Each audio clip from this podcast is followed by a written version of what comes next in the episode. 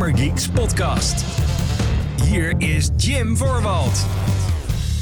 Hallo mede Gaming Geeks, wel leuk dat je luistert naar de Gaming Geeks podcast, de wekelijkse talkshow van GamingGeeks.nl, waarin ik en een mede je natuurlijk bijpraten over alles wat er gaan is in en rondom de gamingindustrie. Ik ben Jim en tegenover mij zit meneer de regisseur, het is Vincent van den Broek. Hallo. Hey Jim! Hey Vincent, hi.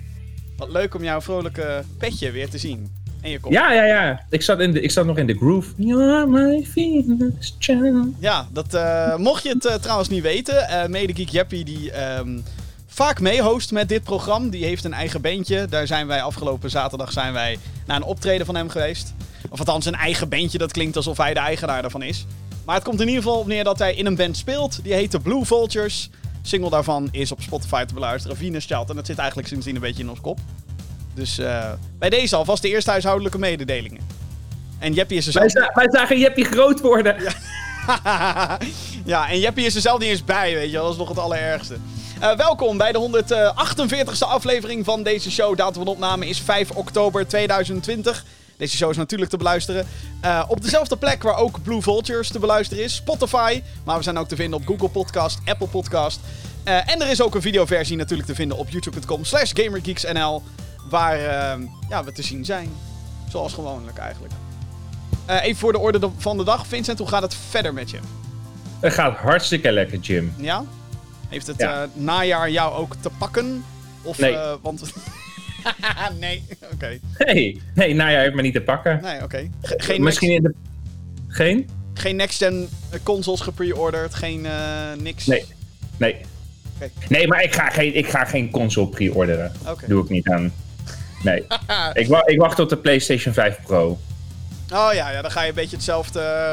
Ga je dan ook zeg maar, wat want ik weet dat jij met Horizon kocht jij de PlayStation 4 Pro en een 4K TV. Ja. Ga je dan de aankomende generatie een 8K TV kopen met een PS5 Pro? Nou, misschien wel. Oh? Ja, oh, ja misschien oh. wel. 8K. En dan de, en dan de Nvidia 4100. ja. TI. RTX TI, uh, ja. Super. ja. ja. Nou nee, ik ben heel benieuwd hoe dat er dan allemaal uit gaat zien. Um, overigens wil ik... Beter, beter dan jou is dan. ja, dat zal ongetwijfeld, ja. Um, ja, ik ben, uh, uh, voor degene die het niet weet, ik ben in de markt voor een nieuwe PC. Ik heb een RTX 3090 besteld. Wanneer die aan gaat komen, ik heb werkelijk waar geen flauw idee. En ik heb geheugen gekocht inmiddels. Dus de, de nieuwe PC, de eerste onderdelen zijn er. Hij heeft geheugen gekocht? Ja, geheugen, ja. ja. Hoeveel, hoeveel hersencapaciteit? Uh, twee keer 32 gigabyte. Oké. Okay. DDR4. 3, 3000 megahertz. Ik heb geen idee wat de helft van deze getallen ook betekenen, maar ik heb... uh, Maar, even, maar even, waarom 2 keer 32? Zodat je nog een keer kan uitbreiden met 2 keer 32 daarna? Dat zou inderdaad kunnen. Als mijn moederbord, even ervan uitgaande dat het moederbord wat ik ga halen 4 geheugenslots heeft, dan zou ik dat inderdaad nog kunnen uitbreiden. Um, en het is zo dat, van wat ik ervan begrijp, maar misschien dat er nu hardware mensen luisteren die zeggen... Jim, wat een absolute fucking bullshit, dat kan. Maar van wat ik heb begrepen is dat hoe minder sticks je hebt, dus dit zijn twee keer twee sticks van ieder 32 gigabyte. Hoe minder sticks, hoe beter. Omdat hij anders de taken moet gaan onderverdelen tussen verschillende geheugensticks, zeg maar. Dat is wat ik eruit okay. begrijp, althans. Het zou kunnen, ik geloof je. Ik weet dat als ik vier USB's in mijn computer steek, dat het aanzienlijk trager is dan wanneer ik er twee in heb. Dus misschien werkt dat ook zo met RAM-geheugen. Maar goed, geen, ja, dat, geen... dat, nogmaals, dat is wat ik ervan begrijp. Dat heb ik uh, van een aantal tech-YouTubers en zo vernomen. Ze kunnen er compleet naast zitten. Maar ik ben best wel groot fan van Linus Tech Tips. Dus uh, in die zin, uh, nou ja, goed. Dat. Uh, goed, uh, nou nu we dat eigenlijk allemaal een beetje op orde hebben, uh, heb ik nog meer huishoudelijke mededelingen? Nee, ik heb al gezegd wanneer we opnemen. Ja, nee. Laten we gewoon gaan beginnen met de orde van de dag. En dat is natuurlijk... De playlist. Vincent, heb je nog wat gespeeld? Nee. nee, oké. Okay. Ja, oké, okay, ik lieg. Nee, ik lieg, ik lieg. Ik heb Anno, Anno gespeeld. Anno 1800? Anno 1800, ja, zeker. Jij hebt iets met die Anno-games, hè? Echt een ja, heb je geschiedenis ja, mee. Snap je hem? 1800, geschiedenis. Hey.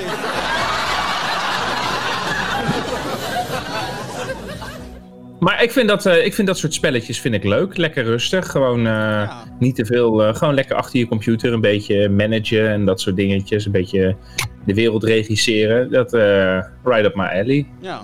En hoe ja. is 1800? Want je hebt er een aantal gespeeld. Ik weet dat je 2205 heb je onder andere gespeeld, weet ik nog wel. Daar zijn we nog naar, voor naar... Oh, heette dat ook alweer? Toen, uh, Dat heette... Dat heette uh, zo, het was niet SpaceX? Hmm. Ja, dat daar in Naaldwijk. Ja, heel waar, waar je die raketjes omhoog doet. Ja, waar heel veel uh, kartonnen versies van André Kuiper staan en zo. Ja, precies.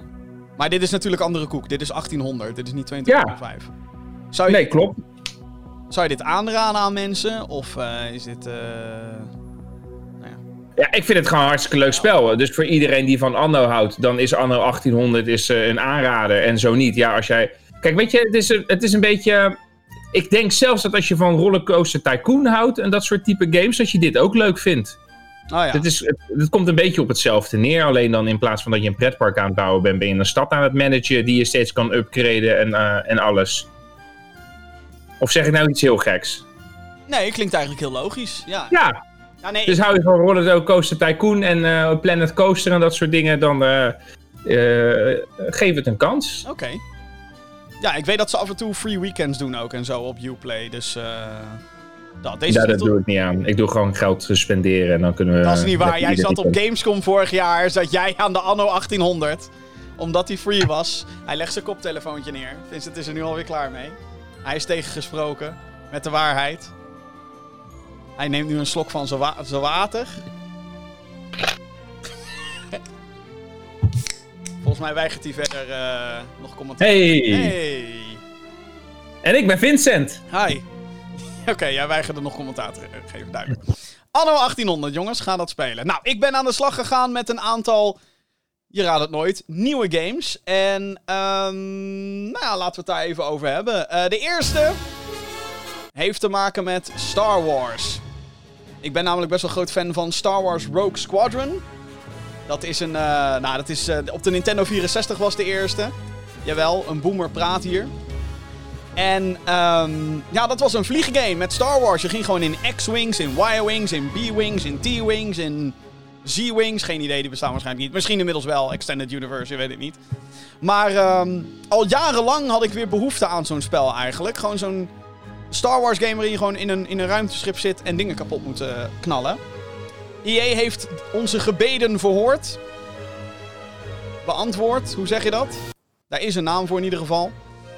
En is nu deze week uitgekomen met Star Wars Squadrons.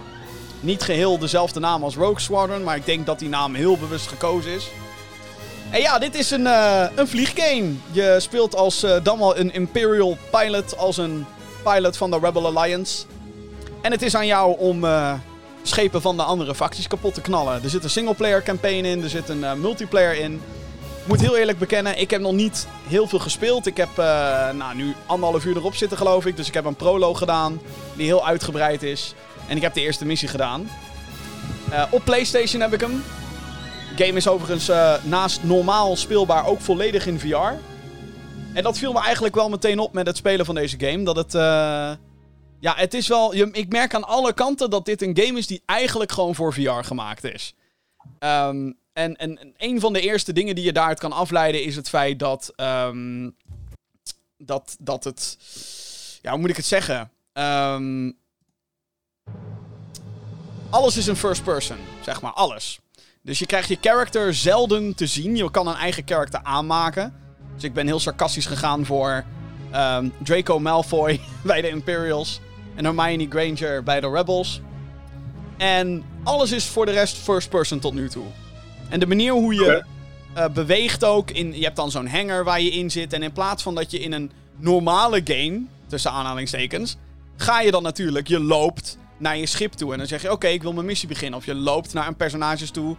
Uh, naar een personage toe en je zegt: Hé, hey, ik wil met jou praten. Maar nu sta je stil. En moet je soort van wijzen naar: Oh, ik wil nu naar de briefing room. Oh, ik wil nu mijn schip in. Wat mij dus heel erg doet vermoeden, oké, dit is allemaal... Want in VR sta je dan ook stil en dan kan je kijken, rondkijken met, oh, wat gebeurt er allemaal? Dus um, vanuit daar merk ik heel erg, oké, dit is een game die in eerste instantie gewoon gemaakt is voor VR.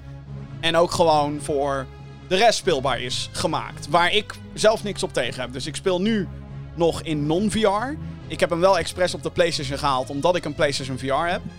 Maar ja, het is best wel tof eigenlijk. Het is heel... Uh, heel immersief. Dus je hebt niet een, een health bar of zo. Ja, die heb je wel, maar die zit dus in de cockpit van je schip. Alles is eh, ehm, ja, in je cockpit ingebouwd, zeg maar. Daar zie je wat je targets zijn, je ziet uh, hoe snel je gaat, je, je, je ziet hoeveel laser je nog hebt, je ziet hoeveel support je nog hebt. Je hebt wel wat, um, wat ze noemen heads-up display elementen. Um, zoals volgt deze persoon en hier is je objective. Die kan je ook helemaal uitzetten in de game. Om het nog immersiever te maken. Oké. Dus dat maakt, maakt het wel heel tof.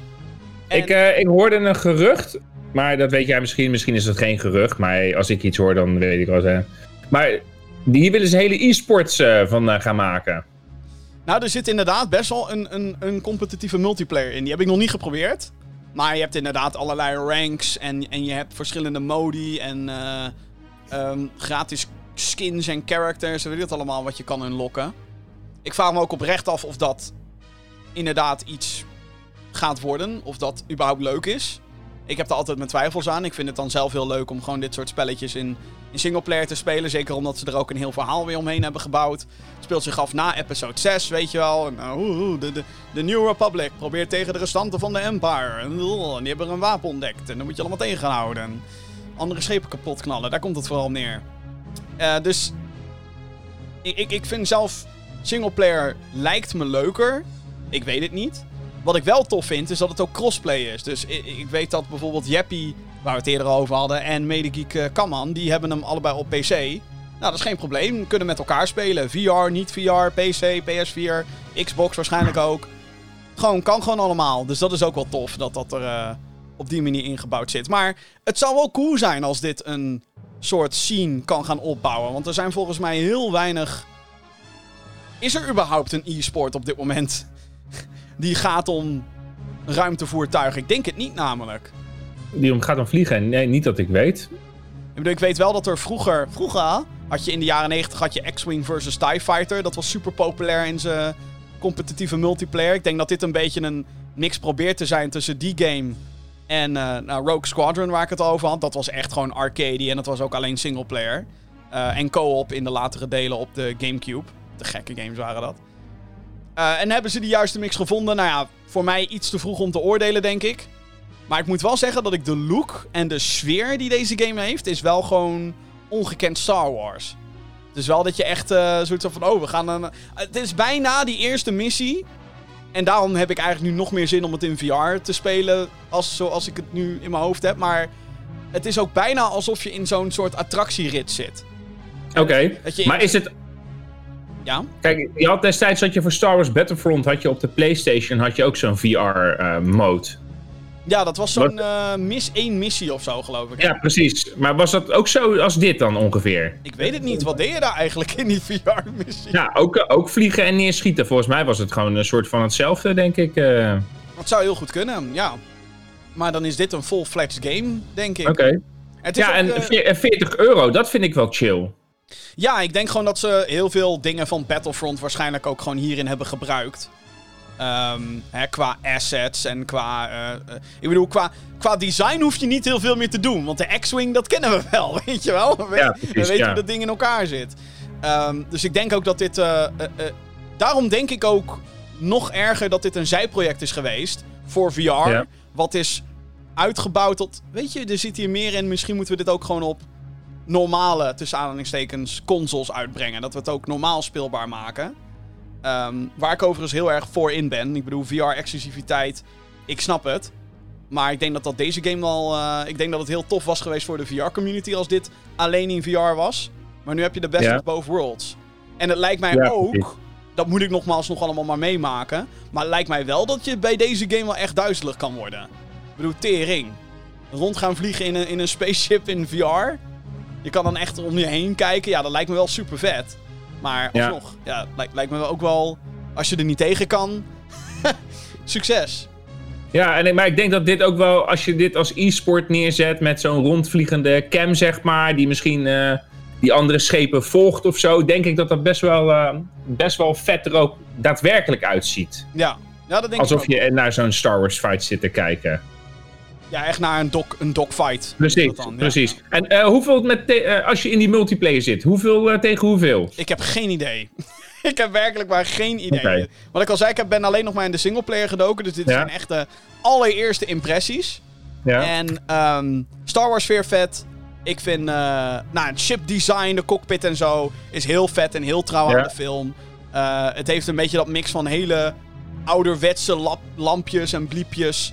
In combinatie Ja. natuurlijk met de science fiction die Star Wars is. Oké. Dus eh, wat mij betreft grote complimenten. En wat ik een tof effect vind, is dat als je echt damage op je schip hebt, zie je dat niet alleen maar, Ja. zeg maar met eh pliep, pliep, pliep of zoiets, weet je, dat je dat dan hoort. Mhm. Maar je ziet ook daadwerkelijk, zeg maar, cracks in, in je schip eh, zie je verschijnen. Oké. Dat lijkt me eerlijk gezegd ook wel echt angstaanjagend in VR.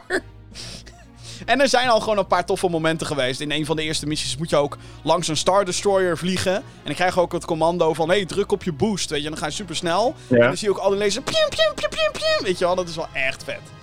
Ja. Dus, ehm zin in. Ja, ik ga even opzoeken hoe dat nou zit met die multiplayer inderdaad. ja, ik zie hier een multiplayer dat er een soort dogfights zijn. En daar doe je 5 versus 5. Oh, dat is wel eh, intens, zeg maar. Ik dacht dat er Vind ook... je? eh, ja, 5 tegen 5 is niet... Hè, het is niet 20 tegen 20. Nee, dat bedoel ik. Nee, dat bedoel ik. Intens weinig. Ja. Ja, nee, nou, maar, maar ja, ja. Maar goed, er is eh, nog een andere multiplayer mode, maar dat kan ik niet zo snel eh Is dat die zien. fleet combat of zo? Want dat Ja, lijkt mij meer leuk. ja. Volgens mij is dat meer objective-based namelijk. Dat je dan, hé, hey, vernietig die Star Destroyer. En dan moet Ja. één team moet dat voorkomen en de andere moet dat dan juist doen. Oké. Lijkt me, maar... Wat ik al zei, eh, nog niet in de multiplayer gedoken. Nee. Dus wat dat betreft, eh, vanuit mij nog een vraagteken. Ja, precies. Maar als je voor een eh singleplayer Star Wars vlieggame gaat... Nou, ja.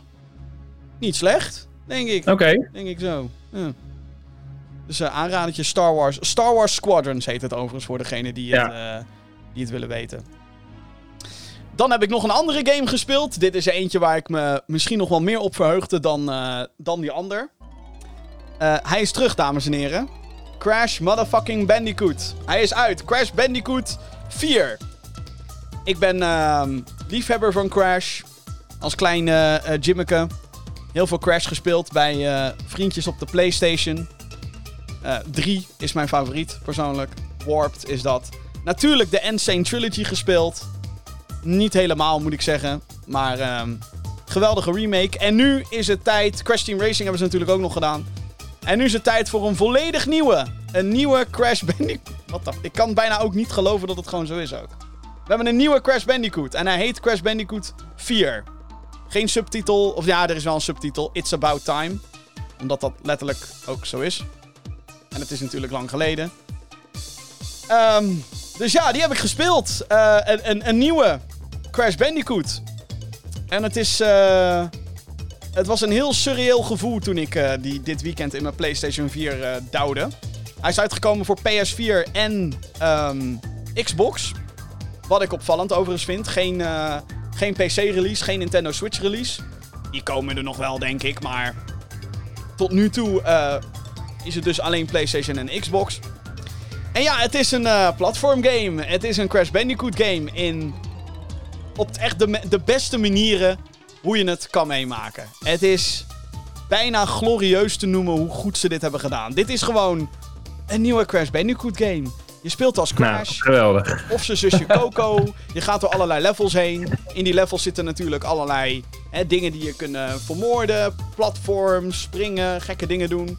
Ehm, en heel veel kistjes die je kapot moet maken. En daardoor ook gems die je moet verzamelen. Geheime gems, bonus levels. Gewoon alles wat in Crash Bandicoot zit, zit hierin.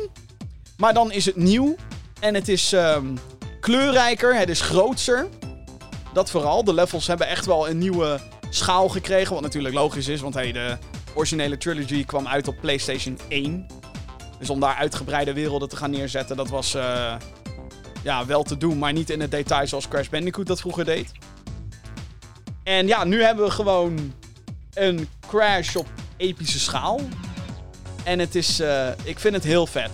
Het is heel vet. Er zijn ook allerlei cutscenes tussendoor die daadwerkelijk grappig zijn, als in goed geanimeerd. En er zitten een paar leuke subtiele jokes tussen die, eh, die ik althans wel kon waarderen. En ehm, ik ben eigenlijk gewoon heel onder de indruk. Oh ja, en ook belangrijk. Deze game kan je ass kicken. Het is geen makkelijke game.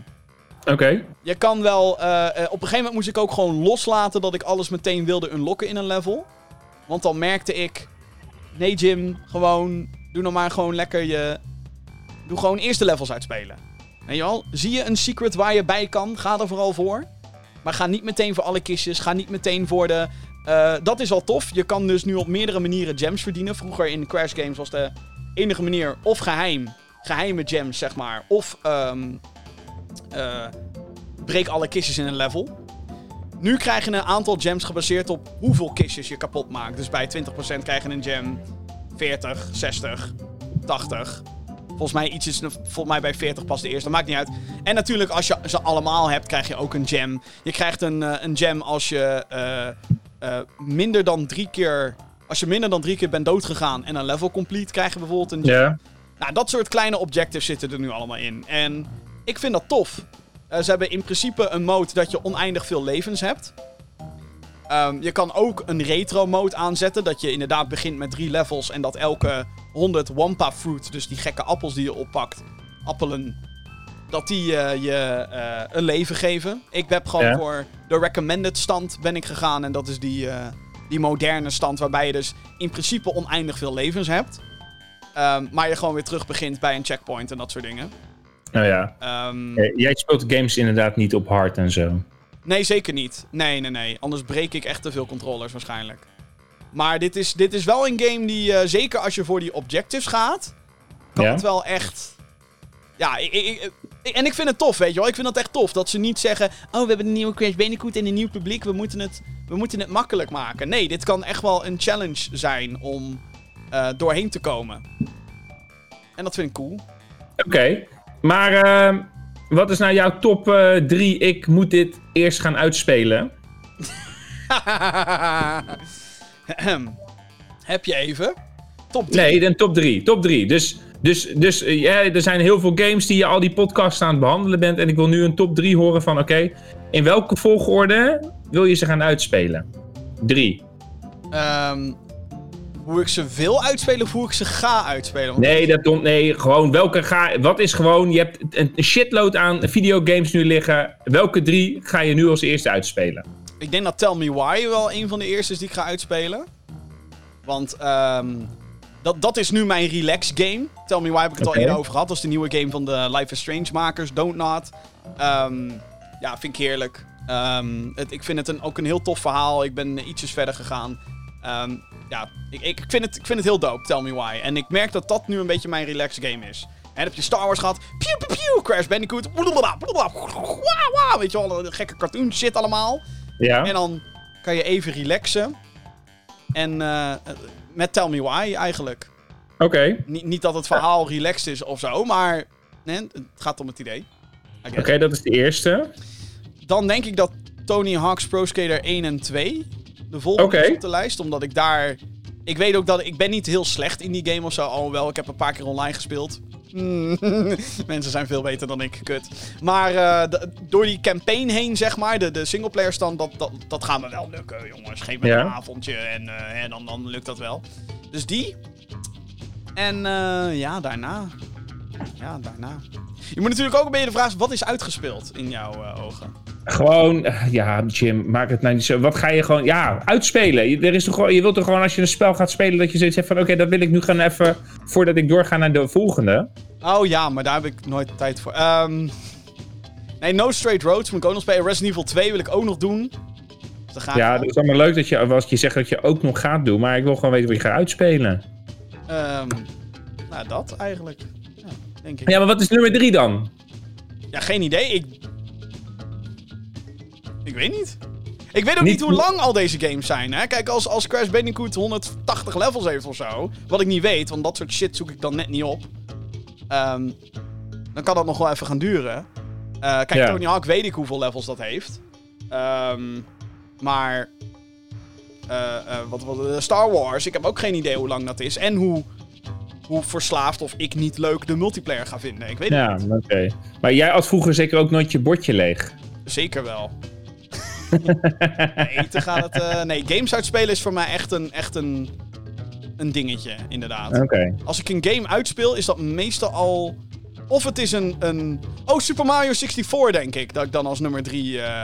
Oké. Ik wilde in eerste instantie zeggen, het is een compliment als ik een game uitspeel.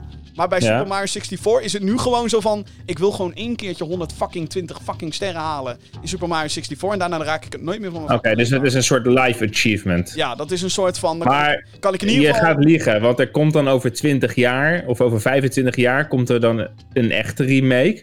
en dan gaat meneer alsnog 120 sterretjes halen. Ja, oké, maar dat is dan wel een andere game. Deze versie van Super Mario 64... Zeg maar de originele ik heb echt totaal geen behoefte meer om... Nu al niet. En ik zit op de 77 sterren van de 120. Fuck dat. Ja, ik, ik was na gewoon de eerste ster al gerage quit. Dat, en dat heb ik ook gedaan. Ja, jij haat Mario ook, dus dan... Ja. Dan is het niet echt eerlijk, maar... Ja. Nee, maar de, die game, ik bedoel, ik heb het al, we hebben het er al een beetje over gehad in, in deze show. Er komt nog een video aan over Super Mario 3D All-Stars. Maar als er één game schreeuwt om een remake, is het Super Mario 64. En het is zo fucking ouderwets in zijn fucking camerawerk, in zijn besturing, in zijn... En het, het, erg is, is dat niet eens... Het design aan zich is niet eens heel slecht van die game. Ik snap zeg maar... De gimmicks van de level snap ik heel goed. Ik vind het, heel creatief. Nog steeds. Maar... Die besturing, jongens. En die fucking graphics. En die fucking... Houd toch op.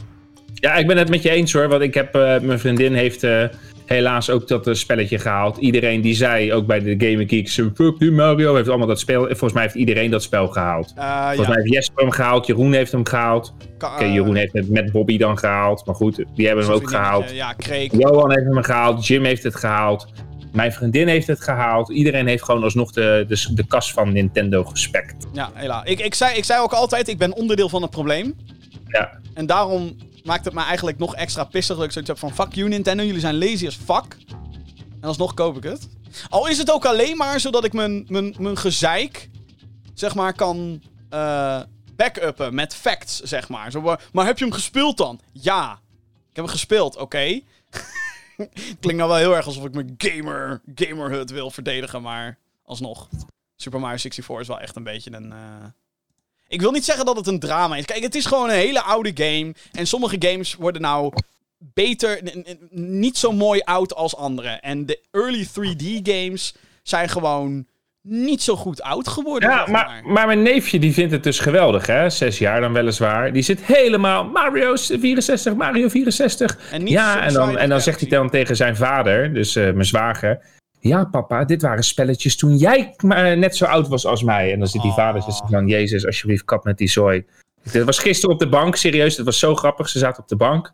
En uh, dus die vader zo, welke wil jij gaan spelen? En hij, Mario, uh, Mario 64. Welke wil je spelen? Mario 64. Nou, laten we maar Sunshine doen dan. Speelt hij weer wel Sunshine? Want die heeft hij zelf niet gespeeld. Maar hij kan gewoon niet. Hij, hij kan het gewoon niet aan. De lelijkheid kan hij gewoon niet aan. En dat vind ik dus wel mooi, dat dat kind, dat heeft zoiets van, uh, uh, omdat hij Minecraft gewend is, en dat bestaat natuurlijk uit blokjes en alles. Dus die kijkt op een compleet andere manier. Die denkt gewoon dat die blokjes, en dat komt ook omdat hij zes jaar is, maar dat die blokjes onderdeel zijn van de manier waarop die game maar, eruit ziet. Jouw neefje heeft toch ook um, hoe heet het? Uh, Lego Super Mario. De hele set. De, hele, de, set. hele, de hele set. Is dat niet waarom die Super Mario 64 wil spelen? Omdat die, omdat die game hem aan die Lego-blokjes doet denken. Klinkt dat zou kunnen. Dit. ja, nee, dat zou, dat zou heel goed kunnen. ja. Het zou zo. ik bedoel, ja. ja. En uh, ja, wat ik dan wel mooi vind, hè, ik, ik speelde natuurlijk Mario 64 ook. Ik denk, wat zal ik zijn geweest? 10 jaar, denk ik. Kan dat? 25 jaar geleden. Hey. Dus uh, ik was jonger. Dus, uh, maar goed, dus, uh, hij kan ook dat hele lied kan die meeneurien. En dat vind ik dan wel tof. Dan zie je... En dan gaat hij verder. Nou, leuk. Ja. Dat dus. Nou, en dat vind ik dan wel tof. En dat heeft hij allemaal van die YouTube-filmpjes dan. Die, ik bedoel, want hij heeft niet die Switch thuis. Die heeft een vriendin die daar dan gaat spelen erbij. En dan is het, uh, ja, tante, tante Evelien, heeft u ook de Switch bij u? Weet je, ik... En dat is Ik vind het nog altijd beter dat kinderen opgevoed worden met Super Mario 64. Zeg maar. dan eh, met eh, fucking Fortnite Dungeons. En opa praat hier zo overigens, maar... Nou, oké, laat ik dit zeggen. Ik heb liever dat kinderen, zeg maar, exposed worden aan de zwakke design shit van Super Mario 64... dan de fucking kaartpakjes van FIFA. Laat ik het zo zeggen. Oké. Zullen we met je vader gaan praten over klassieke muziek? Nee, doe maar niet. Hou maar op. Nee, joh, die, die, die, eh, die vinden... ah, joh, god, die, eh, die oude man, die zit ook voor de televisie... zit zich alleen maar te ergeren aan wat er vanavond nou weer bij, bij Jinek of Bo of bij Op1... of, eh, gaan we het weer over Instagram hebben. En ik word ook zo. Ik word gewoon... Ja, ik word, wordt zeker ik zo. word, ik word, eh, eh, ik word Waldorf en Stedtler van de Muppets, word ik gewoon. Die twee oude mannen die op het balkon zitten te klagen, dat ben ik. Welkom bij deze podcast. Ik hoop dat we er over 60 jaar nog steeds zijn. Want dan Ik is ook, het, Jim. Dan is het die show gewoon. Dan is het Ja, dan zijn, wij, dan zijn wij die oude Muppets. Vincent en Jim op een balkon. gewoon e-sports aan het afzeiken en zo. Wanneer dat mainstream is. Geen idee of dat gaat gebeuren, maar eh, dat. Nou goed, Crash Nou, Bandicoot 4. waar gaan we nog meer over? Ik wil net zeggen, waar gaan we nog meer over zeiken? Crash Bandicoot 4, fantastisch. Als je Crash-fan bent, ga dat spelen. Het is zo erg dat ik er eentje voor de vriendin van Vincent heb gekocht. Zeg maar, een exemplaar. Klopt, zo ja. En waarom hij het goed vond om mijn chocolaatjes in beslag te nemen. Rustig. Ik merk het al, we gaan door. Zometeen in de Gamer Geeks podcast. Controverse rondom het gezicht van Peter Parker. Klinkt gek, maar het is wel zo. Cyberpunk die komt dit jaar, maar ten koste van wat? Daar is ook nieuws over. En zelfs Google is klaar, kennelijk, met Stadia. Weer- Weer een nieuwe in, het, in de soapserie. En jouw vragen gaan we natuurlijk beantwoorden. Dus heb jij vragen voor deze show als je dit nu luistert of kijkt en je denkt... Hé, dat is leuk, ik heb een vraag. Vertel! Eh, podcast at gamergeeks.nl. Ik herhaal dat is podcast at gamergeeks.nl. Nieuws. Er is weer ophef over Marvel Spider-Man Remastered. Ja, ja, ze krijgen geen break. Het is Johan... Oh nee, die, die is er niet vandaag. Ehm, vorige week was er al wat controverse rondom eh, dat saves niet overgebracht konden worden. En dat de achievements, of de trophies, sorry, dat die niet, eh, weet je wel, overgezet konden worden. Er is trouwens een probleem mee, hè. Er is een serieus probleem met die shit. Overigens. PS4, er zijn steeds meer ontwikkelaars die nu zeggen... hey, we hebben wel een next-gen upgrade van PS4 naar PS5... maar je save game, die kan niet mee. Wat? The fuck is daar aan de hand? Sony, fix that shit alsjeblieft. Want het slaat helemaal nergens op. Slaat echt helemaal fucking nergens op. Anyway, nieuwsbericht van de dag. Ehm, er is dus weer ophef over die remaster. Eh, de game die van origine uitkwam in 2018 voor de PlayStation 4 krijgt voor de PlayStation 5 een herziene versie. Ontwikkelstudio Insomnia Games heeft onthuld dat er onder andere een, eh, een stand is om de game op 60 frames per seconde af te spelen. Eh, dat de laadtijden significant naar beneden zijn gehaald. En dat ramen in gebouwen nu daadwerkelijke reflecties zal laten zien. In plaats van voorgebakken textures, zoals dat in het origineel het geval was. Waar het internet herrie over maakt, is het nieuwe. Wacht, wacht, wacht, wacht, wacht even, wacht even, wacht even, wacht even. Tof, tof en tof. Ja, meer moeite dan Super Mario 3D All-Stars. Suck it, Nintendo. Fuck you. Oké. Maar, Maar, daar komt hij. Waar het internet namelijk herrie over maakt, is het nieuwe gezicht van Peter Parker. Volgens de creative director achter het project is het zo dat het nieuwe gezicht gekozen is om de performance van stemacteur Yuri Lowenthal het beste te kunnen tonen. De stem blijft dus hetzelfde, maar het gezicht van Peter Parker, beter dus bekend als Spider-Man, alter ego, is aanzienlijk jonger en heeft veel weg van acteur Tom Holland, eh, die het personage speelt in de Marvel films. Spider-Man Remastered komt op 19 november uit voor de PlayStation 5 als onderdeel van Marvel's Spider-Man Miles Morales Ultimate Edition. Ja. Hier Ja. is... ehm, ik snap... de- Kijk, aan de ene kant zou je natuurlijk eh, denken... Jezus Christus, gamers, stelletje fucking verwende nesten. Ze verbeteren een keer iets en dan is het weer niet goed. Hè? Jimbo? ja, maar, maar, maar, maar dan noem je het verbeteren. Ja, oké. Good point. nee, ja. ehm, ten eerste, wat een marketing bullshit. Met je fucking... Ja. Oh, het is om de next-gen eh, eh, acteerprestaties. Fuck off, oké? De cutscene die ze namelijk hebben gereleased, officieel...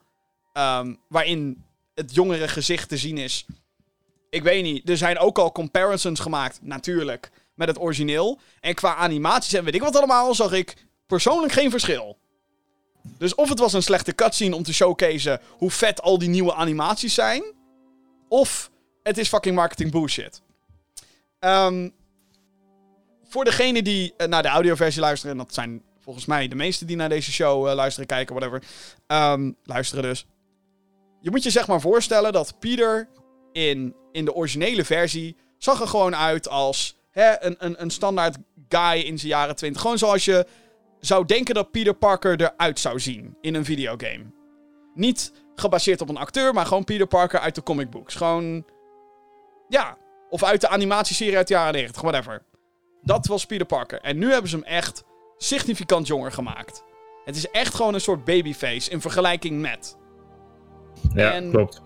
Waar ik me persoonlijk het meeste aan stoor, is dat ze Miles Morales, notabene je nieuwe main character van je nieuwe game, die hebben ze niet aangepast. Die ziet er nog redelijk hetzelfde uit als in de originele game.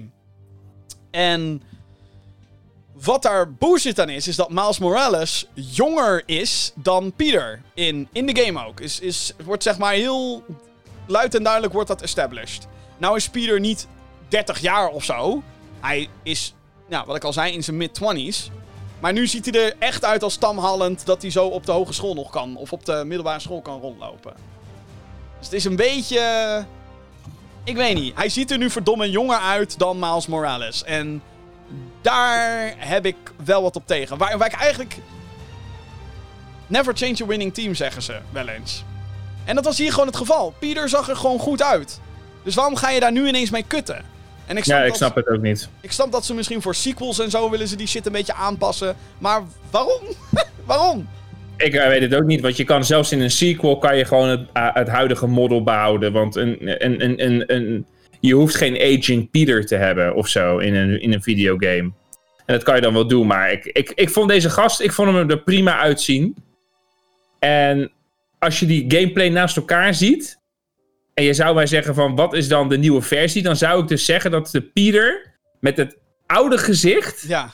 Dat zou in mijn eerste. Dat zou ik dan zeggen. Als, als ik die game niet gespeeld zou hebben. Van oh, dat, zou, dat is dan de upgrade. Ja. Want ik vind die er gewoon oprecht beter uitzien of zo. Dat is meer in mijn optiek meer Pieter. Nou, hij heeft, hij heeft gewoon meer details, lijkt het wel. En ik bedoel, die- ja, dat lijkt ook zo. En dat haar, dat oogt voor mij ook alsof dat haar, zeg maar. Hè, er zitten wat floating eh, particles daarboven. En bij die andere is het zeg maar zo strak gefotoshopt eh, ogend. Dus ik heb het gevoel alsof die, alsof die Pieter, is, eh, als je nu meekijkt, de linker Pieter. Daar, daar, voor mijn gevoel zit daar veel meer detail in. En is dat gewoon. Dat zou ik next gen vinden, zeg maar. Ten opzichte van die. eh, ja, van die gast met die eh, foundation op zijn gezicht. Ik vind trouwens hetzelfde met Octavius. Ik vind dat Ik je ook. bij de oude versie veel meer de rimpels in zijn gezicht ziet en zo. Dan in de nieuwe versie. Alsof ze inderdaad een soort van... Een Instagram filter eroverheen hebben geflikkerd of Ja. zo. Gewoon, Wat, wat de fuck is hier aan de hand, joh? Ja. Ja. Ja, dus, eh, dus, eh, dus ja, die 60 frames per seconde. Dat, nou, eh, als je die gameplaybeelden naast elkaar ziet, dan denk je van ja, oké, dat is wel echt een verademing. Dat is wel echt veel beter. En die weerspiegeling, dat is heel tof. Maar ik, ja, dit is niet mijn Spider-Man. Hashtag not my Peter Parker. Hashtag save Spider-Man! Save Spider-Man! Oh shit, gaan we niet. Gaan we, We niet gaan weer. ja, nee, ik vind het ook een beetje. ik bedoel, eh, mocht je nu de audioversie luisteren, eh, pauzeer de podcast even, zoek even op Spider-Man PS4 versus PS5. En dan krijg je ongetwijfeld het, het vergelijkingsfilmpje te zien. Ik, ehm, ik snap het gewoon niet zo goed. En ik vraag me dan ook ook niet. oprecht af, hebben ze Mary Jane dan ook aangepast? Want Mary Jane was zeg maar de perfecte Mary Jane voor, de, voor deze versie van Peter Parker. En nu is Peter Parker, ziet er veel meer uit als een jochie. En weet je, dat kan, whatever. Maar pas dan ook even Mary Jane aan. Want anders is het een heel raar koppeltje, lijkt me, ineens. En ik kan even nu niet vergelijkingsmateriaal erbij halen. Maar het is gewoon... Ik... I don't get it, zeg maar. Ik, ik snap het gewoon niet heel goed. Waarom? Waarom? Ja, omdat, ze, omdat hij volgens mij meer moest lijken op, eh, op, de, op de originele voice actor. Ja, maar die is like, En, die, die is en dan like is in de 40. Ja? De voice actor is in de 40. Ja, misschien zijn jeugdfoto's of zo. Misschien zit daar een eh, gedachte achter. Ja, weet ik het. Als je ook kijkt naar die neus van die, eh, van die voice actor. eh, als je die erbij... nou, dat moet je weer moeite doen. Maar goed. Als je daarnaar kijkt, dan heb ik zoiets van... Oh ja, weet je, die andere gast die lijkt wel meer op de, op de huidige voice actor. Maar goed, weet je, dat keert nog niet. Nee. Want het gaat om zijn stem. We hebben zijn stem nodig, niet zijn gezicht. Nou nee, de stem blijft wel hetzelfde overigens. Ja, dat, nee, dat weet ik, dat weet ik, dat weet ik. Maar ja, dat lijkt mij dan juist weer heel raar. Dan ben je nu juist gewend aan de PlayStation 4 Peter Parker. En dan ga je nu nog geen. Twee jaar later ga je zeg maar de game opnieuw spelen. Ja, het slaat nergens op. Het is gewoon zo'n raar, raar iets. Het, het is echt een hele rare situatie. En ik vind dat Sony, of Insomniac in dit geval, zich er niet heel goed doorheen lult, zeg maar. Met het... Maar goed, weet je, als we er lang genoeg over blijven klagen, dan, eh, krijgen we, dan kunnen we misschien met z'n allen een tweede Sonic poelen. Ja, ja, ja, dat ze die eh, shit weer gaan wijzigen. Zo van, nou weet je, we hebben toch besloten om, eh, nou, gezien deze in, in, november uitkomt, samen met Miles Morales. Nee al.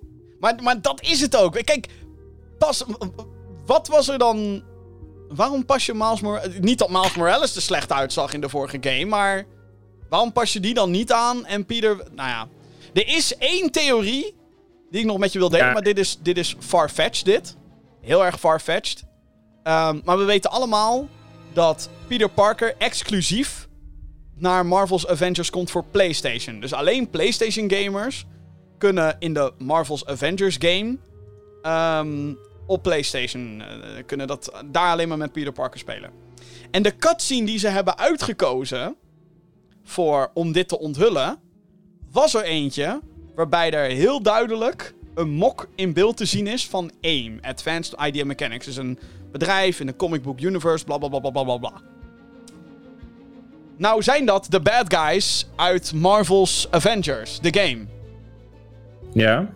Peter is mysterieus die is niet aanwezig in Spider-Man Miles Morales. Nee. Ze hebben Peter veranderd. Ik weet niet. Misschien ben ik nu dingen bij elkaar aan het optellen die niet bij elkaar aan het optellen. Dat kan heel goed overigens. Even, wat ben je nou in godsnaam, wat voor conclusie moet ik hier naar uittrekken? Want ik snap er echt helemaal niks van wat je nu aan het, uh, aan het blaaskaken bent. De, de conclusie die ik hier nu probeer te trekken is dat... Dat deze, Peter een facelift krijgt in uh, Marvel Avengers. Dat deze Peter dus ook in Marvel's Avengers te zien is. Dat deze universes nu.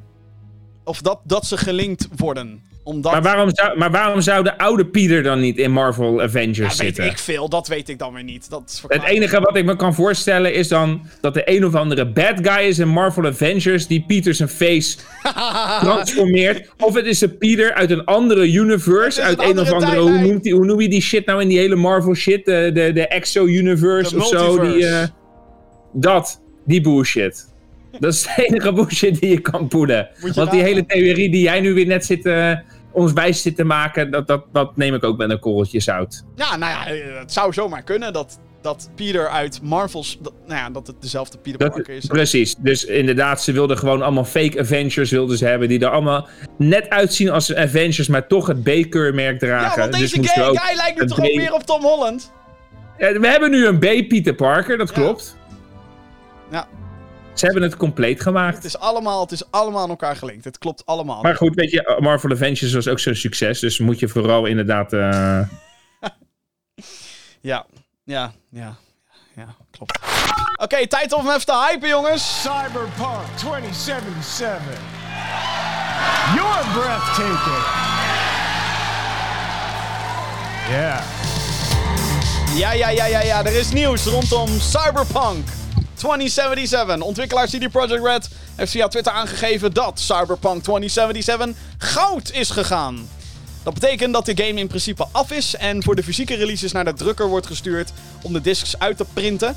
Dit betekent dus ook dat de game zijn release datum van 19 november gaat halen. Dus hij gaat niet meer uitgesteld worden. 19 november gaat het gebeuren. Cyberpunk. Uit een interne e-mail blijkt alleen dat werknemers het bericht hebben gekregen dat zij een aantal weken voor launch verplicht zes dagen in de week moeten gaan werken. Dit terwijl het studiohoofd vorig jaar nog heeft beloofd dat het absoluut niet wil bijdragen aan de zogeheten crunch-cultuur in gameontwikkeling. Die belofte blijkt dus gebroken te zijn. Medewerkers die zes dagen moeten werken krijgen wel doorbetaald met een extra vergoeding erbovenop. Cyberpunk 2077 komt uit op 19 november voor Oeh, PC, PlayStation 4, PlayStation 5, Xbox One, Xbox Series S slash X en Google Stadia. Maar goed, weet je, als die game nu, uh, als die game nu uh, goud is gegaan, dan hebben ze nu een hele maand om te chillen op een luie gat. Dus dan kunnen ze die zes nou, dagen nee, doorwerken. Die, die, die, die, zes dagen wordt uh, day one patch van 40 gigabyte. Probably. Um, nou, ten eerste denk ik, leuk. Hè? Het gaat gebeuren. Ongelooflijk. Volgens mij heb ik nog tot een paar weken terug heb ik nog gezegd... Nou jongens, misschien wordt het toch uh, hè? 2021, want COVID en uh, heel ambitieus project dit. En is het misschien dan ook niet gewoon beter om uit te stellen? Maar nee, 19 november dus gaat het gebeuren. Um, ja, wat vind jij eigenlijk van die... Want er werd best wel wat herrie over gemaakt op het internet. Naast, ik bedoel, wij hebben net zitten klagen over fucking Peter Parker's gezicht. Maar wat vind je van die, dat hele gedoe rondom werktijden en crunch en door overwerken en bla bla bla bla? Ja, kijk, wat ik net als grapje zeg, dat meen ik wel soort van. Kijk, weet je, ik weet niet wat ze nu gaan doen. En ik weet niet, ik weet niet of ze nu ook nog 24-7 door blijven bikkelen. Of dat ze nu even gewoon uh, eventjes een relax momentje. Ik weet niet wat daar nu wat daar nu gaande is en wat dan de deal is die gemaakt wordt. Dus je kan inderdaad wel uh, van, oh ja, ja, ja, maar als dat spel nu goud is gegaan, bij wijze van, en, en dat spel komt 19 november uit, dan is dat dus nog meer dan een maand dat nu dan niks hoeft te gebeuren of zo. Nou, nou dat zeg ik, day one patch komt er nu gewoon, dus dat is... Ja, dat is ook zo, maar ja, ja, ik weet het niet. Ik, uh, ik, uh, ik, zit niet in het bedrijf, dus uh, ik denk dat als, als, als, ze het er niet mee eens zijn, moeten ze hun bek met z'n allen open trekken. Ik denk dat als ze zeg maar van medewerkers eisen dat ze zes dagen gaan werken, dat het niet een gevalletje wordt van op je gat zitten. Dat lijkt me dan. Zeker niet omdat die, al die medewerkers ook doorbetaald moeten worden. Dus dat lijkt me financieel gezien dan niet handig als het een gevalletje chillen wordt. Nee, dat klopt. Alleen dat is zes weken bij de launch, zeg jij toch net? Zes weken voor de launch, ja. Dus oh, juist, oké. Oh, het is zes weken, sorry. Ik dacht zes dagen. Nee, nou, nee, uh, oh, nee, wacht. Een aantal weken, ik weet niet exact hoeveel weken. Maar dan een zes dagelijkse werkweek. Oké, dus het is een aantal weken, zes dagen achter elkaar. Ja. Oké. En, uh, en dat is hoe lang op een dag? Nou, ik ga even uit van acht uur. Dan. Oké, ja.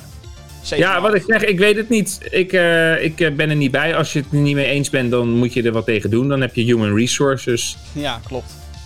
Ja, nee, ja ik... Dat, ik bedoel, ik, ik, ja, ik, kan daar, ik kan daar veel over zeggen. Ik kan daar veel van vinden. Maar ik weet niet wat de deal is. Ik weet niet wat er in hun contract stond. Ik bedoel, ze kunnen iets naar de buitenwereld hebben beloofd. Maar misschien is er ondertussen iets compleets anders al beloofd naar de, naar de werknemers zelf. Ja, dat zou heel goed kunnen. Ik, ik, weet, ik weet het niet. Ik heb te weinig informatie om daar uh, echt, iets, uh, echt iets van te vinden. Maar als dat, uh, weet je, als dat tegen hun zin ingaat en het is compleet iets anders dan wat er is afgesproken, dan hoop ik dat ze flink, flink, flink, flink, flink goed vergoed worden. Nou ja, ik vind ook dat er heel veel boosheid hierover is ontstaan. En ik snap het. Er zijn inderdaad gameontwikkelaars waar de sfeer allesbehalve goed is, zeg maar. Waarbij mensen echt als stront worden behandeld dat kan. Alleen je moet er niet van uitgaan dat het overal zo is. En, precies, precies. Um, ik bedoel, zowel Vincent als ik, wij hebben allebei zeg maar in, in creatieve sferen gewerkt. Zij het televisie, zij het film, uh, uh, zij het ook met games. En ik kan in ieder geval niet uit ontwikkelingservaring, maar wel uit ervaring binnen game-industrie dingen, dat crunchen of gewoon overwerken eigenlijk heel logisch is in een creatief proces zoals een game. En um, dat, dat klinkt dan heel lullig. Dat klinkt zo van, oh, iedereen die erover klaagt is pussy. Dat is niet waar. Want iedereen gaat andersom met druk en stress en weet wat allemaal. Ik kan er zelf ook niet tegen. Maar, um, en tuurlijk, als mensen tot burn-outs gedreven worden, is dat fucking serieus. Dat is, maar dat is niet zeg maar een beetje extra druk ergens opleggen. Dat is gewoon iemand de grond in werken. Dat is een heel ander geval. We weten niet of dat soort shit gaande is bij CD Projekt. Dat weten we niet. Daarom, we weten, we weten daar te weinig over. En maar ja, ik, weet je...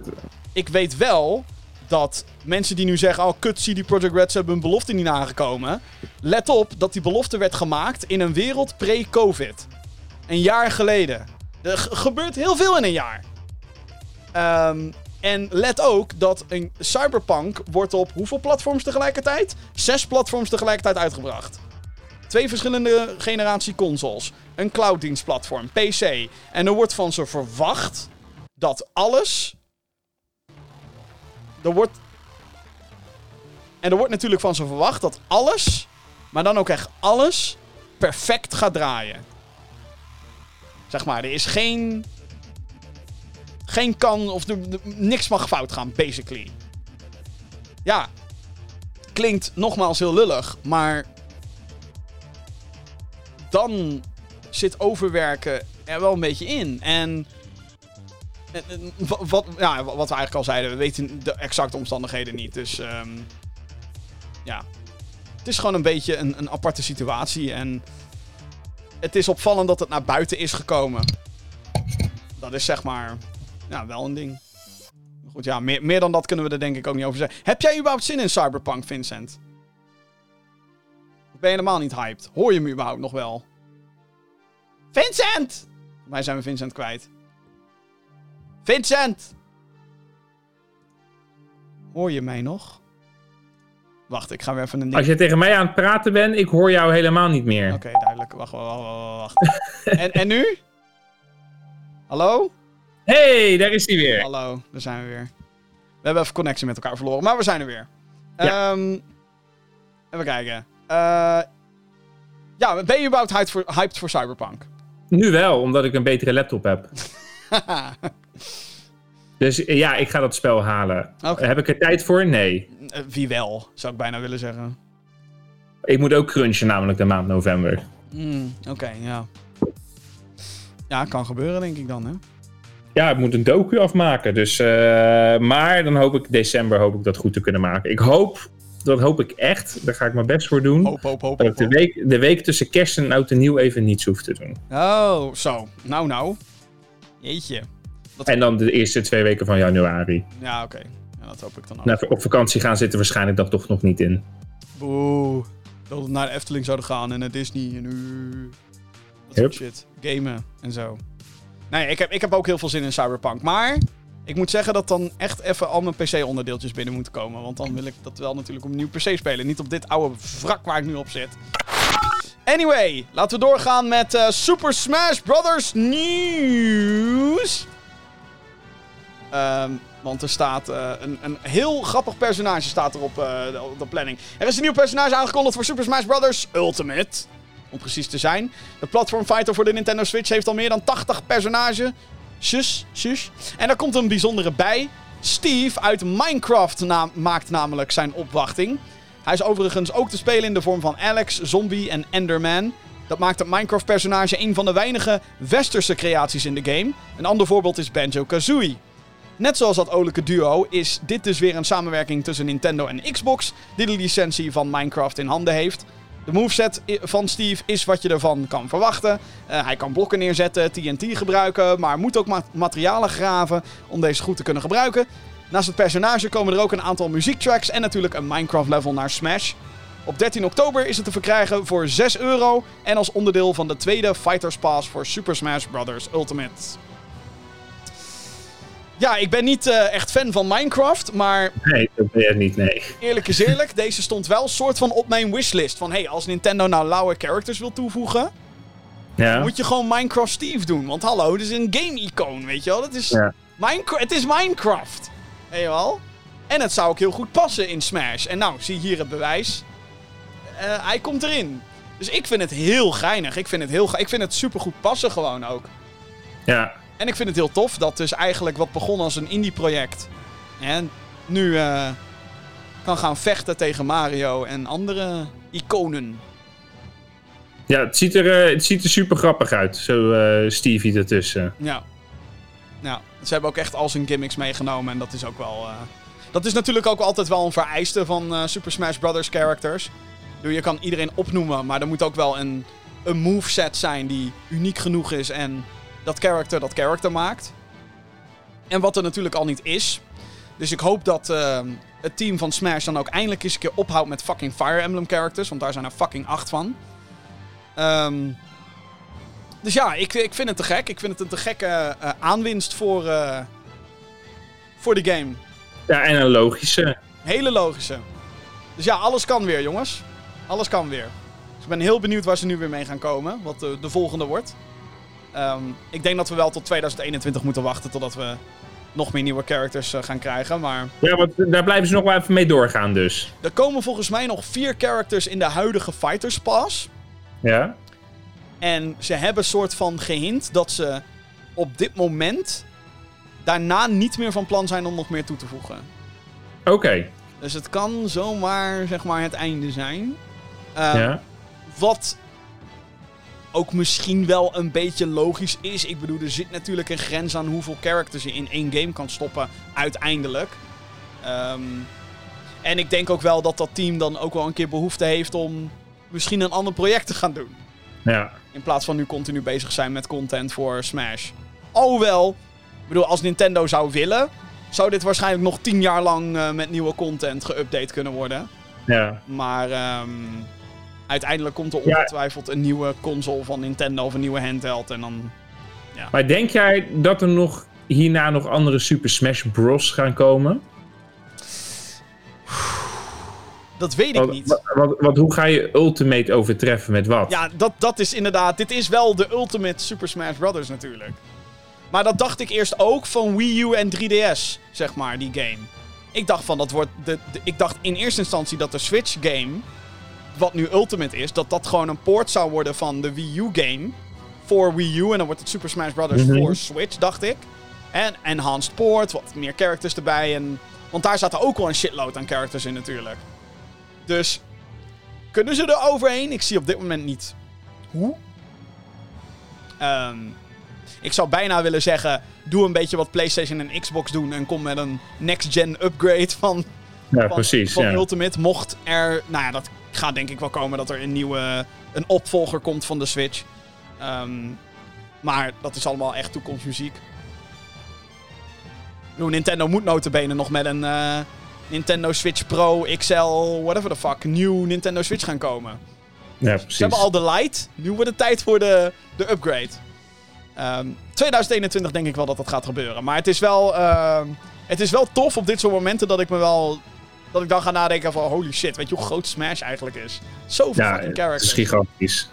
Jouw broertje speelt, speelt hij het nog steeds zo eh, ritueel als... eh, Ja hoor, gisteravond op het verjaardagsfeestje van mijn moeder zit hij daar gewoon op de Switch met de Pro-controller. online Ja. te spelen. Iedereen te... Die guy kan echt iedereen klappen. Dat is, nou, bijna iedereen. Ligt, ligt aan de omstandigheden, maar... Ja, behalve als het met items is op Gamescom. Ja, dan, dan lukt het niet. Ook niet op een podium. Dan eh, podium Ook niet op het alles. podium. Nee. Maar eh, 1v1, don't, eh, don't add me, eh, Simon, want eh, ik denk dat ik dood ga. Tekken daarentegen, dat eh, is een heel ander verhaal. Daar maak je helemaal aan af. Goed, ehm, ja, dan wordt het weer even tijd voor eh, een soapnieuwtje. Eh kom er maar in hoor.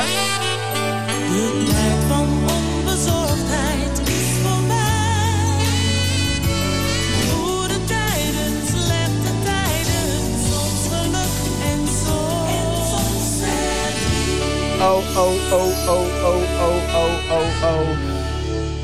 Arme, arme, arme Google Stadia. Het is goede tijden, slechte tijden weer. Welkom bij de nieuwe aflevering in de soap die Google Stadia heet. Google lijkt zelf langzamerhand de handdoek in de ring te gooien als het gaat om Stadia. Dat is een online clouddienst, mocht je het niet kennen, dat, nou, I don't blame you. Waarbij je instant games kan spelen zonder deze te hoeven downloaden. De dienst verscheen vorig jaar en heeft tot dusver rond de 100 games en verder veel stilte gekregen. Vele features die beloofd werden voor de lancering zijn nog niet beschikbaar bij de dienst. De alarmbellen gaan niet echt rinkelen bij Google. Zij brengen namelijk een nieuwe versie van de Chromecast uit. Een klein apparaatje waarmee je content kan streamen naar je televisie.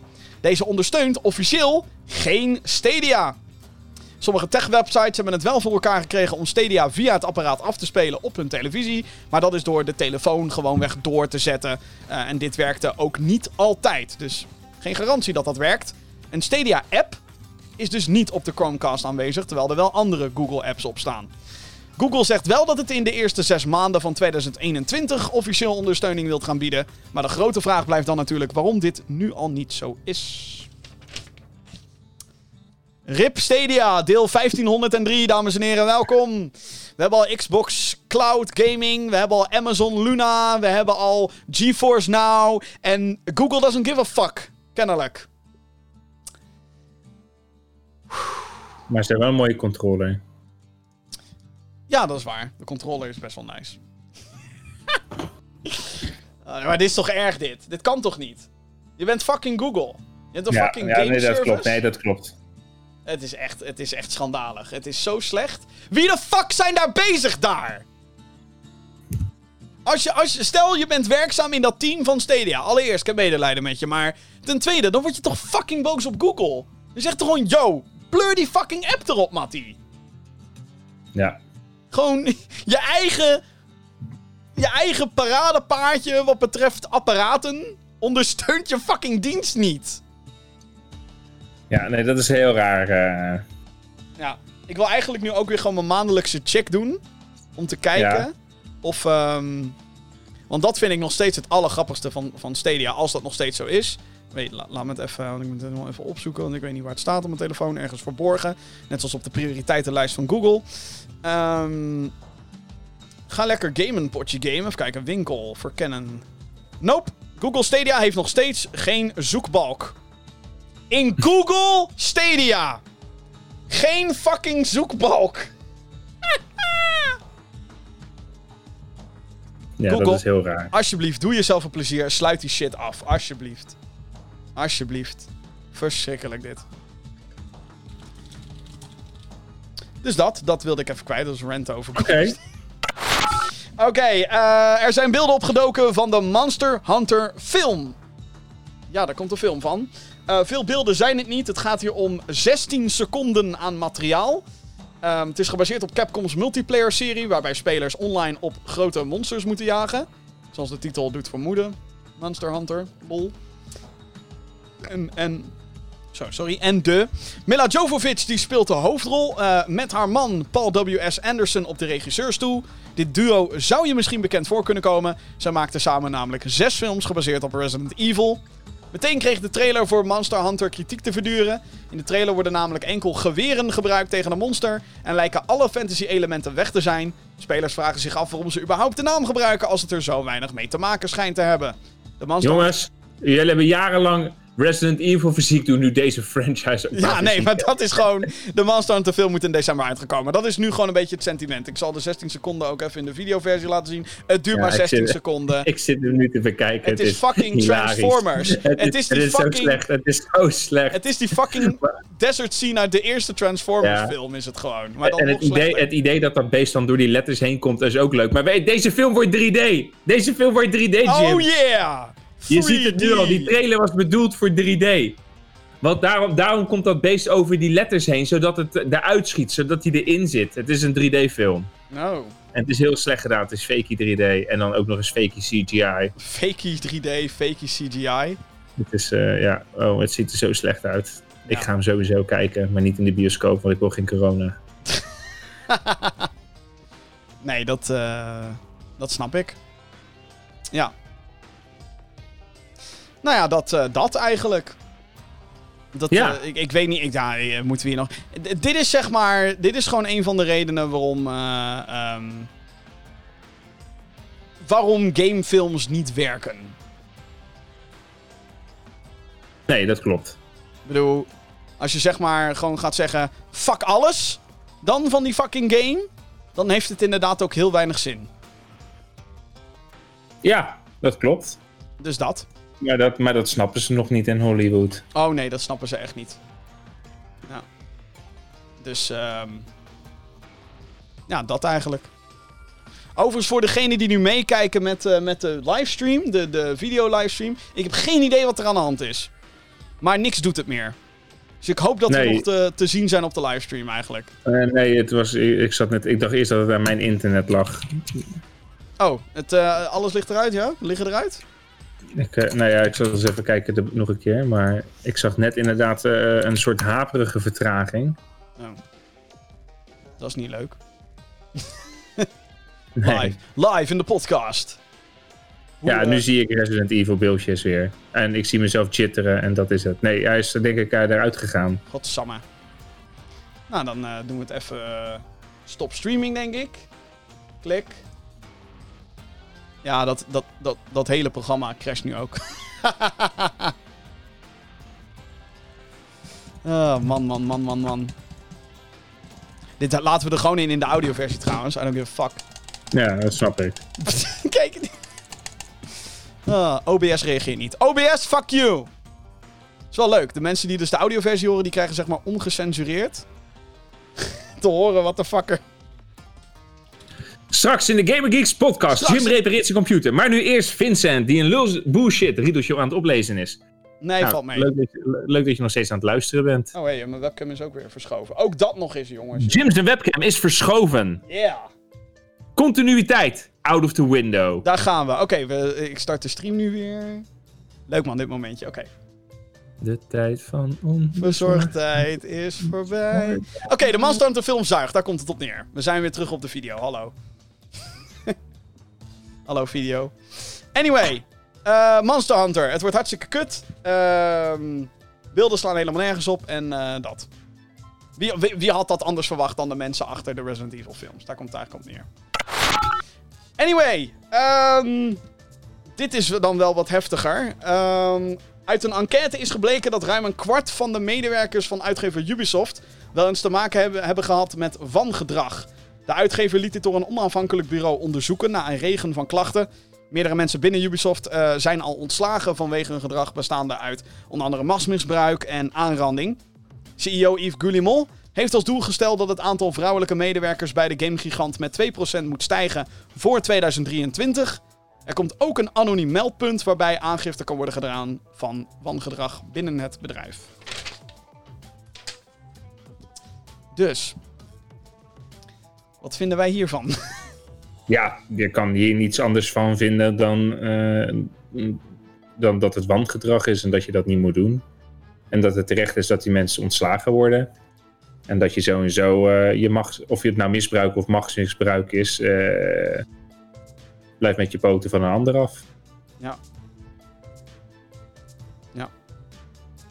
Alleen wat ik dan wel bijzonder vind, is dat het dan, dat het dan uit een enquête moet blijken zeg maar, van een ander onderzoeksbureau. En dan vraag ik me af waarom heeft Ubisoft dan niet zelf eerder dan. Dat, eh, waarom konden ze dat zelf niet onderzoeken? Nou, ik denk dat als ze het zelf nu gaan laten onderzoeken. Nadat er al weet ik hoeveel klachten zijn geweest en blablabla. Dan ben je natuurlijk ook. Ja, nee, het gaat hard. Dan kan je natuurlijk heel makkelijk zeggen: het gaat hartstikke goed. Want. eh, terwijl als je Ja, dat door een onafhankelijke partij laat doen. Dan komt het al wat meer legit over, lijkt me. Ja, maar je kan, het zou toch ook legit overkomen als je zelf gewoon onderzoek doet en je tot de conclusie komt dat het niet goed gaat. Dat is nee, toch ook maar dat, eerlijk? volgens mij kwam, waren ze al wel tot de conclusie gekomen. Ik denk dat dat wel duidelijk was. Ah, maar zodoende. ehm, dat het zo heftig zou zijn. Ja. Ik denk dat. En, ik bedoel, een kwart, hè? Eén op de vier mensen. ja, dat is heel veel. Ja, Is- dat is echt heel veel. heeft te maken gehad, dan wel is getuige geweest van wangedrag. Nou, dat is toch niet normaal? Dat is toch echt... En, en het is Nee. ook wel vaker overigens gebleken dat het, dat het in sommige gevallen ook natuurlijk van de hoge piefjes komt. En ja, hey, hoe hoger je op een, op een ladder staat, hoe meer mensen er van beneden af eh, omhoog ja, kunnen kijken. Dus Ja.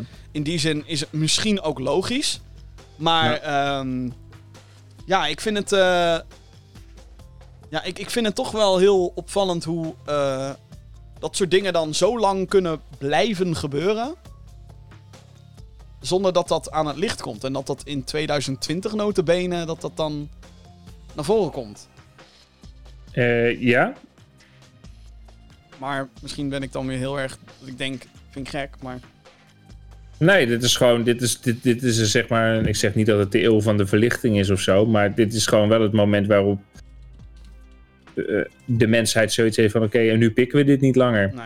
En dat is, eh, dat is mooi. Ja. Eh, Jammer, dat het, eh, jammer dat het zo lang heeft moeten duren inderdaad, voordat we tot die conclusie konden komen met z'n allen. Maar ik denk dat het ook is omdat, omdat men zich nu misschien gesterkt voelt ook, hè, en dat men ook nu het gevoel heeft dat je niet...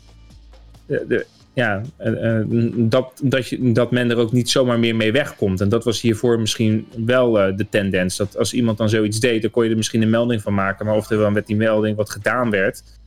En dat is nu anders gegaan. Ja.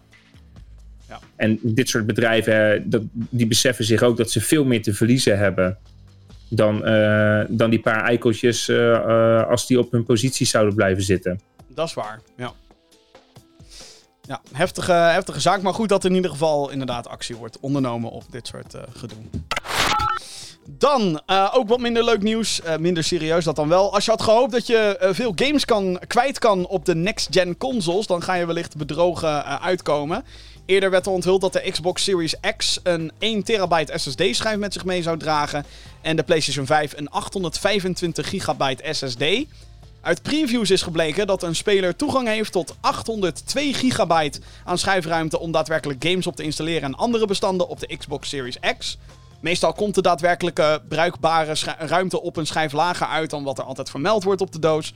Daarnaast is er ook een operating system die standaard geïnstalleerd moet staan op de console met natuurlijk ook wat basis apps.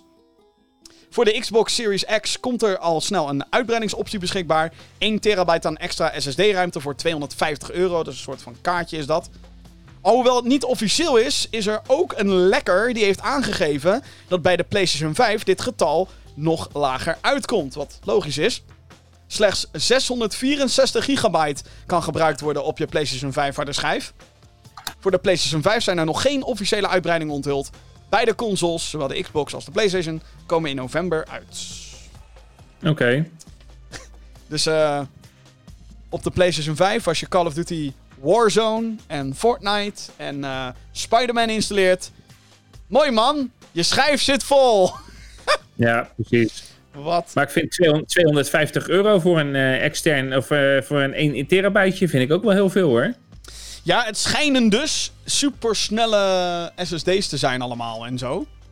Ja, En dat dat dus de reden is waarom het allemaal zo... maar Samsung 970 Evo Plus die is eh 144, nee, eh, die is eh, ho- 144 euro. Maar die is niet zo snel als deze SSD's, beweren ze hè. Ja, oké.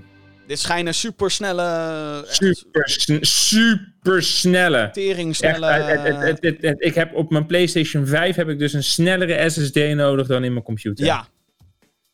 Dat is wel zo. Het schijnt, want die dingen zijn nog niet eens op de markt. Die, Oké. eh, die SSD-schijven. Of SSD's, whatever. Het schijnt dat als je ze schijven Weer, weer iets gevonden om zeg maar eh, wat eh, Microsoft exclusive, exclusive is. Heb ik het 250 euro, gooi er maar in. Ja, Ja. ik ben daar wat verzuurd over. Oké. Over, de, over die SSD's? Nee, ja, dat het 250 euro moet kosten voor een terabyte. Dan denk ik, ja, nou leuk dat het super snel is. Maar dan ben ik benieuwd of het echt niet zou runnen op een iets mindere SSD. Dat geloof ik niet. Nou, ik denk dat als je voor een console ontwikkelt... en dat is dus het- het hele ding waar ze dan nu tegenaan lopen... is dat als je voor een console ontwikkelt... en je gaat ervan uit dat die schijf die erin zit zo snel is... dan ga je daarop programmeren. En op het moment dat je een externe erin gaat doen... die die snelheid niet haalt...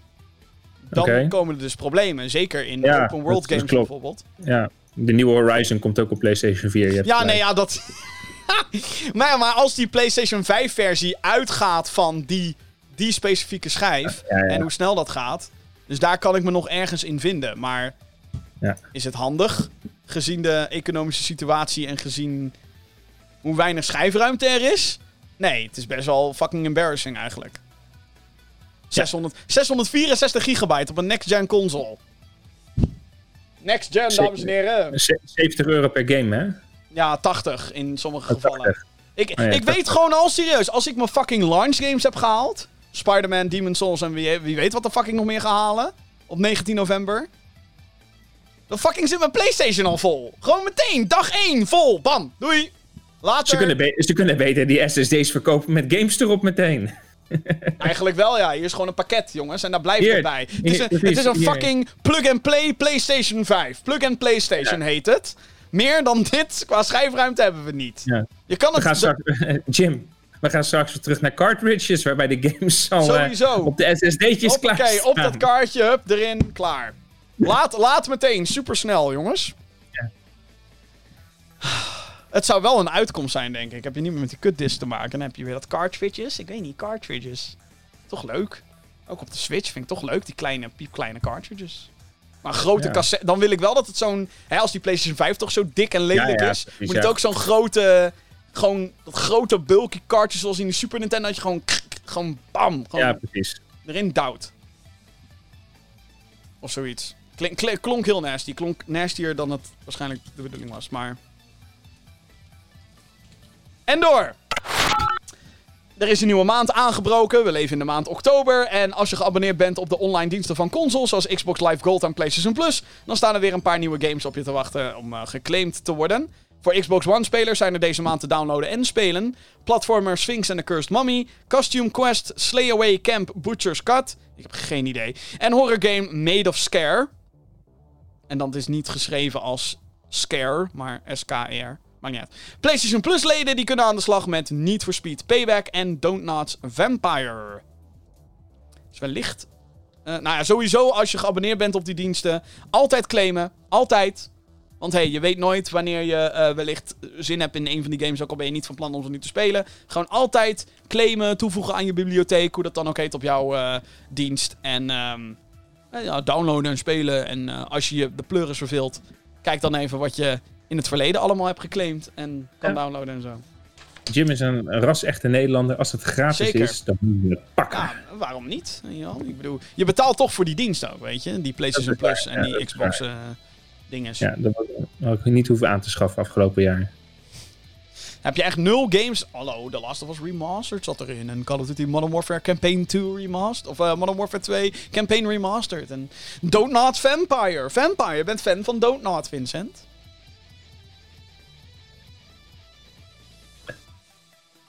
Ja, Oké. Heb jij een vraag voor de show? Mail naar podcast.gamergeeks.nl Uiteraard hebben we weer wat mailtjes binnengekregen. Dank daarvoor. Podcast.gamergeeks.nl. Mail dus als jij ook vragen hebt voor deze show. Eerste mailtje komt van Ludwig. Dag Jim en medegeek. Vincent, hallo. hey. Hopelijk hebben jullie een toffe week gehad. Jawel. Jawel. Jawel. Ja, zeker. Zeker. De week is net begonnen, maar zeker. Mijn vragen voor deze week. Ik zelf ben enorm hyped voor Horizon Forbidden West. Wat verwachten jullie hiervan? Veel succes de komende week en hou je gezond. Groetjes van Ludwig. Nou, ik eh, verwacht dat het een tof spel wordt, die ik op de PlayStation 4 ga spelen. ja, dat ja. Ja, maar echt. maar echt. Ik ga niet, de, ik, wat ik al zei, ik ga niet de PlayStation 5 halen. Wauw. Mijn verwachtingen voor de Horizon zijn toch een beetje teruggegaan eh, sinds eh, die gekke announcement. Dat het ook naar PS4 komt dus. Ik bedoel, heel leuk voor de mensen die inderdaad niet van plan zijn om een PS5 te halen voorlopig. Maar eh, ja, ik blijf een beetje Herman Hulst lacherig quoten. With the power of the PlayStation 5 of next generation, we can create worlds we never could have imagined before. Bullshit, want het komt gewoon naar fucking Nee, PlayStation 4. nee, nee. We can create, but we Cannot. didn't. Lekker. Nee, maar. ehm, ja, ik denk nu gewoon dat het een soort. eh, en dit, dit. Kijk, dit klinkt heel. Het wordt gewoon een Horizon 2. En dat klinkt natuurlijk heel logisch. Maar het wordt niet de stap vooruit die ik had gehoopt van deze game. En. ehm 4K 60 FPS. Vergeet het maar. Ik denk, niet dat, ik denk ook niet dat dat gaat gebeuren. Dus het is voor mij een... Noteren, noteren we het allemaal? Noteren het allemaal? Horizon Zero Dawn gaat geen 4K 60 fps worden. Bij deze. Op PlayStation 5 natuurlijk. Op PS4 Pro al helemaal niet. Ehm 1080p, 60 ongetwijfeld. Maar, ehm nou ja, kijk, ik bedoel, tuurlijk, de nieuwe Horizon. Tuurlijk heb ik daar zin in, weet je wel. Tuurlijk wil ik dat spelen. Tuurlijk, ga ik dat op de PlayStation 5 doen? Natuurlijk ga ik dat doen. Tuurlijk ga ik dat niet doen op de PlayStation 4. Natuurlijk.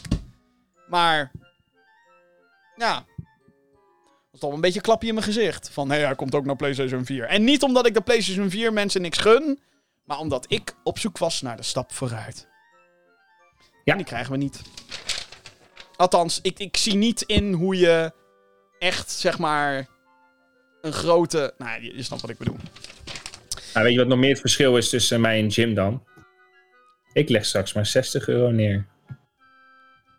Fuck jou. Dat is waar, ja. En je krijgt een gratis next-gen upgrade. Oh ja, die krijg... Maar je save game kan niet mee. Haha! Oh ja. dat is waar. Sony, you're fucking it up, oké? You're fucking it up. Get your shit together. Godverdomme. Fucking Xbox for the win. Wat? Beste Jim slash medegeek. Ah, ah, serieus, Xbox is echt goed bezig. Ik vind wel dat zij op dit moment een streepje voor hebben, maar... Whatever. Eh, volgende mailtje. Eh, beste Jim slash medegeek. Dat is Vincent, hallo. Ik mag er ook aan geloven en ik heb eindelijk na jaren een PlayStation 4 gekocht. Deze was namelijk in de uitverkoop bij Bob een eh, reclame. Deze versie had de spellen Spider-Man, Horizon Zero Dawn, de Complete Edition en Ratchet Clank. Dat ik jullie best vaak over de eerste twee spellen hoor praten, vroeg ik me af. Welke moet ik als eerste spelen? Ratchet Clank. Nee. Daarop dan Ja. meteen een extra vraag. Welke game moet ik nog van jullie bij mijn PlayStation erbij kopen? Ik heb zelf al Uncharted de Nathan Drake Collection gekocht. Ik hoop dat jullie me hiermee willen War. helpen. Met vriendelijke groet, een luisteraar van het eerste uur Jurre. Thanks Jurre. Ehm, God of War. God of War. Eh, The Last of Us The Last of Remastered. Us Remastered. Ja, deel 2, eh, nou ja. Hè? Eh, ik heb er zelf gemeen. Nou, en ik vind wel dat het een mooie game is om te spelen. Maar neem wel pauze tussen 1 en 2. Dat is wel wat ik zou aanraden. Maar ehm, Bloodborne, als je van moeilijke games houdt. Want van, Life is Strange. ja, uiteraard. Life is Strange. Ja, ja, ja, ja. ja, ja. Oh, Life is Strange. Wat nog meer? Ja, er is zoveel uitgekomen de afgelopen generatie. Er zijn zoveel mooie Crash Bandicoot en Sane Trilogy, zou ik dan eigenlijk wel meteen zeggen. Dat is die remake eh, van 1, 2 en 3. Eh, ja, waar hou je ook van? Dat is natuurlijk ook de grote vraag. Maar ik denk dat inderdaad het antwoord wel is gegeven als we zeggen... God of War is wel toch wel een van de games van de PS4. En jij hebt het nog niet eens uitgespeeld, Vincent. Moet je Nee. nagaan. Nee, klopt. Maar zijn andere vraag was welke hij als eerste moest gaan spelen over Spider- Spider-Man of Spider-Man Horizon. of Horizon. Ja, ik zeg ook Horizon. Ik zeg Horizon. Ik zeg Spider-Man, denk ik. Oké, nou ja, dan mag je kiezen alsnog. Ja. Komt wel. Nee, kijk, Spider-Man is in die zin wat toegankelijker, denk ik. Als open world game. Ehm, Horizon is, gaat wat dieper als het gaat om gameplay. Wel, met Maar is, is, iets anders. Hm? Eh, maar Horizon is van Nederlandse bodem. Dat is waar. Maar hij heeft hem toch al. Dus het is niet alsof de Nederlanders niks hebben verdiend. Nee, dat, nee, dat, nee, dat gaat niet om of de Nederlanders iets verdiend, hebben, eh, verdiend hebben, maar eigen land eerst. Eigen games eerst. Wa- Wauw. Nee, maar- als je, kijk, het weet je, je kan gewoon zeggen dat als je Horizon Zero Dawn speelt, dat je gewoon cultuur aan het snuiven bent. Sterker nog, misschien, Hollandse ik weet niet of je nog op de middelbare school zit, maar misschien kan je het nog voor je CKV-verslag gebruiken. Ja. Dat kan, ja. Als je inderdaad... Ja, waarom niet? Hè? Verdomme. Zou zomaar kunnen. Het is ook heel Voor, voor de mensen die niet weten wat CKV is, dat is culturele kunstzinnige vorming. Dat heet tegenwoordig allemaal anders, hè? Ja, misschien heet het nu kunst of eh cultuur. Alle vakken, alle vakken die eh, wij vroeger hebben gehad, die bestaan gewoon niet meer. Nee, precies. Ik bedoel... Techniek. eh, handarbeid, wat is dat? Alles is gewoon... Een kachel in elkaar zetten, wat? Kon ik vroeger ook niet, maar... Aansluiten, whatever. Ik bel voor alles ook gewoon een, eh, een klusjesman als het moet. Ja, maar bij ons was het ook na jaar 1 afgeschaft. Dat is waar. Maar ik zal meneer Guttenberg nooit vergeten. Nee, precies. Typische man was dat. Je verder als luisteraar van deze show helemaal niks aan. Goed, dat eh, waren de mailtjes van deze week. Bedankt allemaal. Ik blijf het herhalen natuurlijk. Heb jij een vraag voor de show? Mail naar podcast.gamergeeks.nl En daarmee zijn we bijna aan het einde gekomen van deze 148e aflevering van de Gamer Geeks podcast. Maar niet voordat ik je natuurlijk heb verwezen naar die o zo mooie website gamergeeks.nl. Waar wij naast deze show in audio en videovorm ook al onze andere content posten. Denk hierbij aan dingen zoals... ehm, ja, wat nog meer eigenlijk. De Gaming Geeks Next. Die bijvoorbeeld deze week is uitgekomen eh, met Johan, Jesper en Tisco. Gastoptreden. Eh, er zijn namelijk heel veel games die deze maand nog allemaal uitkomen. En een mooi overzicht vind je in Gamer Geeks Next. Overigens posten we ook elke week een overzicht van alle games die uitkomen. Kortom, gaminggeeks.nl, daar moet je gewoon naartoe gaan. En uiteraard zijn we ook nog bezig met andere content. Maar eh, ja, ik heb zoveel te spelen. Ik heb zo'n grote stapel. Het is niet normaal, joh. Ik weet niet, ik weet niet waar ik nu moet beginnen, joh. Hoewel, ik weet wel waar ik moet beginnen. Onderaan. Maar het is niet handig meer. Nee. Dus eh, gewoon lekker Tell Me Why ga ik spelen of zo. Goed. Dat was hem weer, dames en heren. Eh, hartstikke bedankt voor het kijken en het luisteren naar deze podcast. En eh, heel graag tot de volgende keer. Vincent, bedankt.